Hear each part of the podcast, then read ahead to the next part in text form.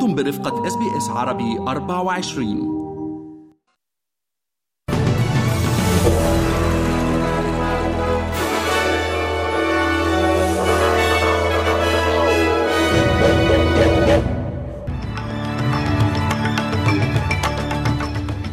أهلا بكم مستمعين الكرام نشرة الأخبار من إذاعة أس بي أس عربي 24 تقرأها على حضراتكم منال العاني.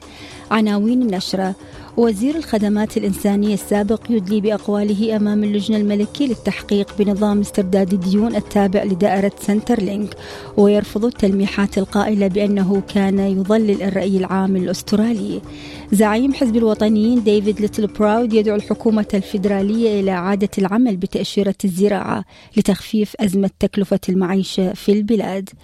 رئيس حكومة نيو ساوث ويلز دومينيك بيروتي يواجه زعيم المعارضة العمالية كريس مينز في مناظرة انتخابية رئيسية في غرب سيدني. مقتل 36 شخصا على الأقل وإصابة العشرات في حادث تصادم قطار في وسط اليونان. عناوين النشرة أخبر الوزير الحكومي السابق ستيوارت روبرت اللجنة الملكية بشأن نظام استرداد الديون التابع لدائرة سنتر لينك روبوديت إنه حافظ على موقف مجلس الوزراء بشأن النظام. وقال وزير الخدمات الإنسانية السابق لجلسة الاستماع إن من واجبه الدفاع عن برامج الحكومة بغض النظر عن وجهة نظره الشخصية بشأن Robodebt ويدرس التحقيق تنفيذ المخطط واستخدام جهات خارجية لتحصيل الديون والمخاوف بشأن نظام Robodebt ويرفض الوزير السابق ستيوارت روبرت التلميحات القائلة بأنه كان يضلل الرأي العام الأسترالي وينفي أنه رفض المشورة القانونية بشأن روبودوت I am still, at this stage, a cabinet minister. I'm still required to uphold, until such time as I'm advised lawfully otherwise, uh, the requirement for the government program. I still have to defend it. That is the job I've got. دعا زعيم حزب الوطنيين الحكومة الفيدرالية إلى إعادة العمل بتأشيرة الزراعة الأسترالية لتخفيف أزمة تكلفة المعيشة في البلاد. يأتي ذلك بعد أن كشف مكتب الإحصاءات الأسترالي عن ارتفاع بنسبة 8% في أسعار المواد الغذائية والمشروبات غير الكحولية خلال العام الماضي. ويوجد حاليا مخطط لجلب العمال من دول منطقة المحيط الهادئ لملء الوظائف الشاغرة في المناطق الريفية والإقليمية ويقول زعيم حزب الوطنيين ديفيد ليتل براود إن مساعدة الناس من رابطة دول جنوب شرق آسيا يمكن أن تساعد المزارعين في نقص العمال وزيادة المهاجرين. The Albanese government needs to admit they've got it wrong, that they need to bring in ASEAN workers to fill the void to fill those 172,000 vacancies. And if they don't, then Australians will continue to pay more.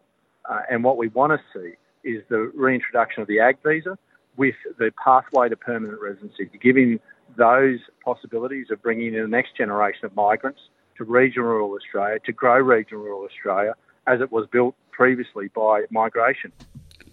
أطلقت الحكومة الفيدرالية ورقة نقاشية تهدف إلى تحديث الخدمة البريدية وجعلها أكثر استدامة من الناحية المالية.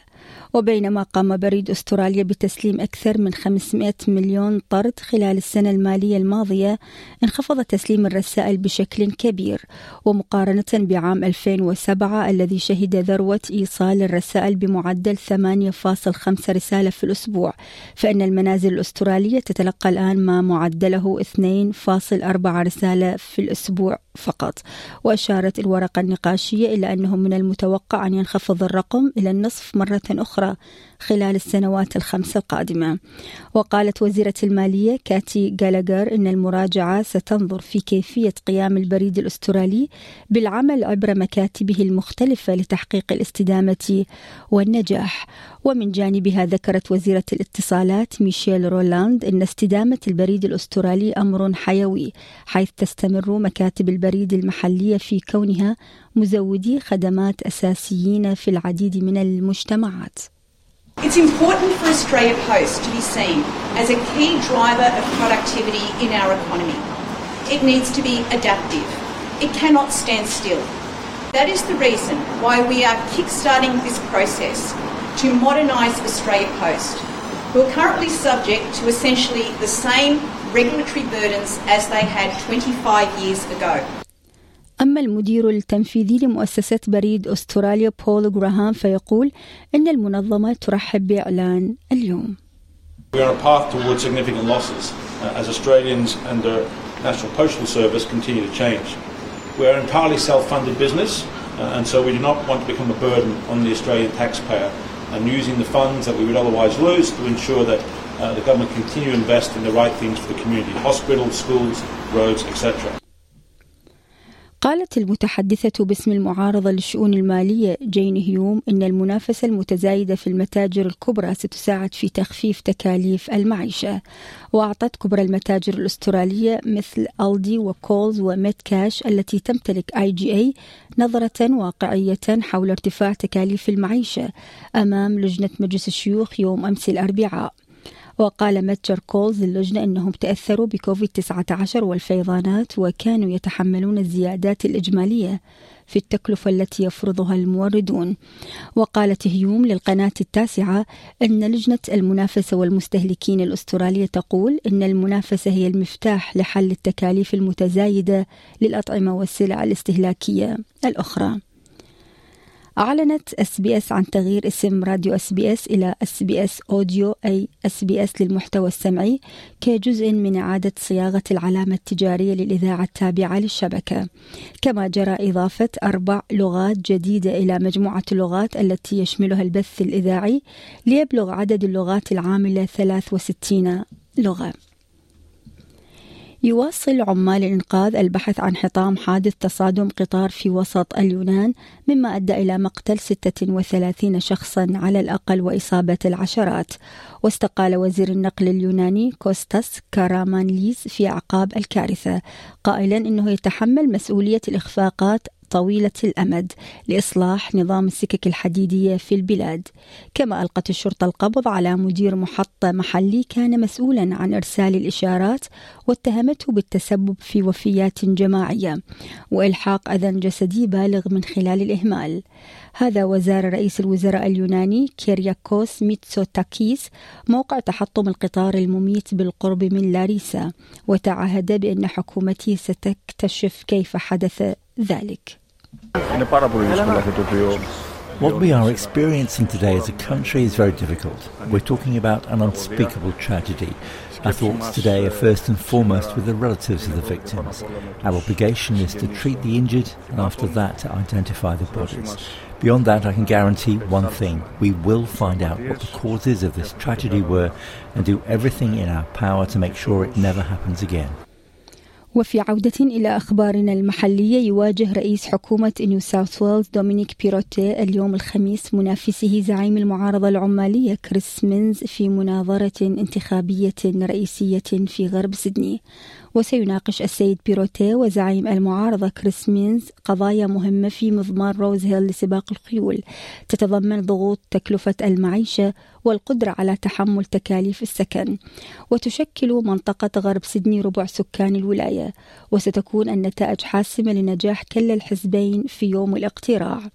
ويأتي ذلك بعد يوم من استطلاع Resolve Political Monitor الذي أظهر أن التصويت الأولي لحزب العمال قد ارتفع نقطة واحدة ليصل إلى 38% بينما انخفض الائتلاف نقطتين إلى 32% وفيما يتعلق بالإسكان أعلن حزب العمال أنه سينهي عمليات الإخلاء الخاصة بالعقار دون خطأ وعطاءات الإيجار السرية وسيقدم خطة عربون المنازل وإجبار أصحاب العقارات على إعطاء سبب لرفض طلب المستأجر وجود الحيوانات الأليفة في المنزل. ومن جانبه التزم الائتلاف بخطة فيدرالية ستشهد بناء عشرة آلاف منزل إضافي بأسعار معقولة. في نيو ساوث ويلز وفي خبرنا الرياضي رفعت إيما جرانت نائبة كابتن فريق كولينغوود AFLW السابقة.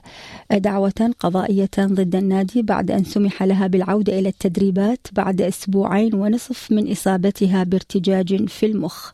وعانت جرانت من إصابة في الرأس خلال مباراة تدريبية في الثامن عشر من كانون الثاني يناير بالعام 2020 وتقول إن إدارة نادي كولينغوود أعطتها الضوء الأخضر للتدريب في الخامس من شباط فبراير وفقا للوثائق القانونية المقدمة في المحكمة يوم أمس الأربعاء.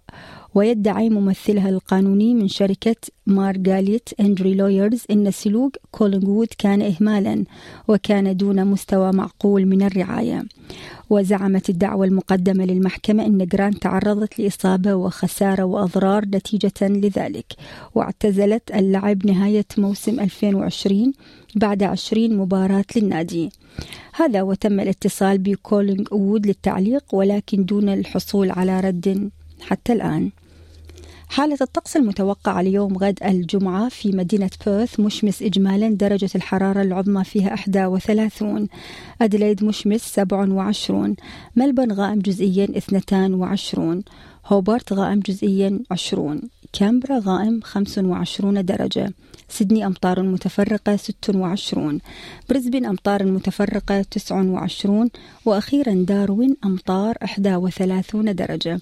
استمعتم إلى نشرة الأخبار من إذاعة أس بي أس عربي 24 قرأتها على حضراتكم منال العاني. ترقبوا مستمعينا الكرام نشرة أخبارية مفصلة على رأس الساعة.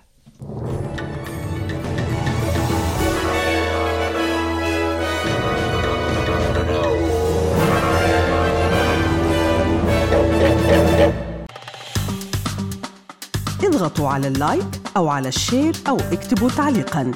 تابعوا إس عربي 24 على الفيسبوك.